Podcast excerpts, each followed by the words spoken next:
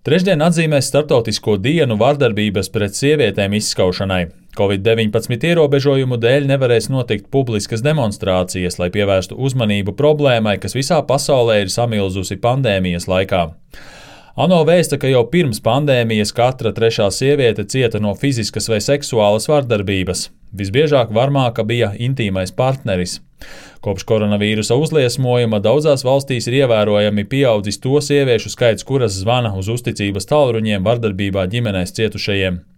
Piemēram, Argentīnā šādu zvanu skaits šogad ir pieaudzis par 25%, Kiprā un Francijā par 30%, bet Singapūrā par 33%.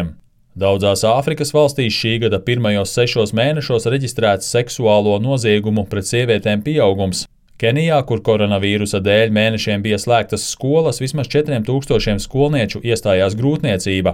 Vietējās varas iestādes apgalvo, ka vairumā gadījumu meitenes palika stāvoklī pēc tam, kad viņas seksuāli izmantoja kāds no ģimenes locekļiem. Dienvidamerikas valstī Peru, kur no marta līdz jūlijam bija spēkā vispārējā karantīna, bez vēsts pazuda aptuveni 1200 sievietes. Savukārt Brazīlijā un Meksikā pandēmijas laikā ir pieaudzis sieviešu slepkavību skaits. Vārdarbības pret sievietēm pieaugumu galvenokārt saistā ar to, ka pulcēšanās un pārvietošanās ierobežojumu dēļ miljoniem cilvēku ilgstoši palika mājās. Tas nozīmēja, ka upuri visu laiku atradās kopā ar saviem pāridarītājiem. Britu labdarības organizācijas Refuge pārstāve Līza Kinga uzskata, ka mājas ir no vardarbības cietušajām sievietēm visnedrošākā vieta. Varmākas izolāciju nereti izmanto kā ieroci, lai līdz minimumam samazinātu sieviešu iespējas sazināties ar ārpasauli un saņemt palīdzību. Viņas ir nošķirtas no draugiem un ģimenes locekļiem un nevar piedalīties sabiedriskajās aktivitātēs kā līdz šim. Pandēmijas sākumā arī ANO ģenerālsekretārs Antonio Guterres norādīja, ka Covid-19 ierobežojumu laikā daudzas sievietes cieš no vardarbības tur, kur viņām vajadzētu justies visdrošāk - mājās. Viņš cīņu pret vīrusu un rūpes par sieviešu drošību uzskata par vienlīdz svarīgām. Es aicinu visas valstis savās nacionālajās stratēģijās cīņai pret covid-19 kā vienu no prioritātēm izcelt vardarbības pret sievietēm novēršanu un palīdzības sniegšanu cietušajām.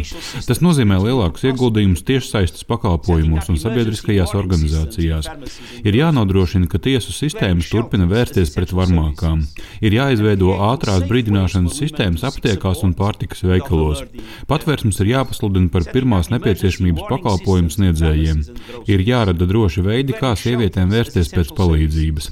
Sieviešu tiesības un brīvības ir būtisks priekšnosacījums stiprām un pielāgoties spējīgām sabiedrībām.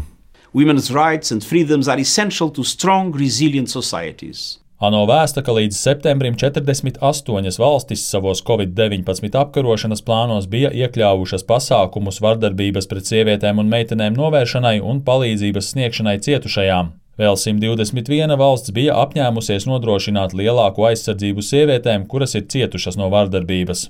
Uldis Česberis, Latvijas radio.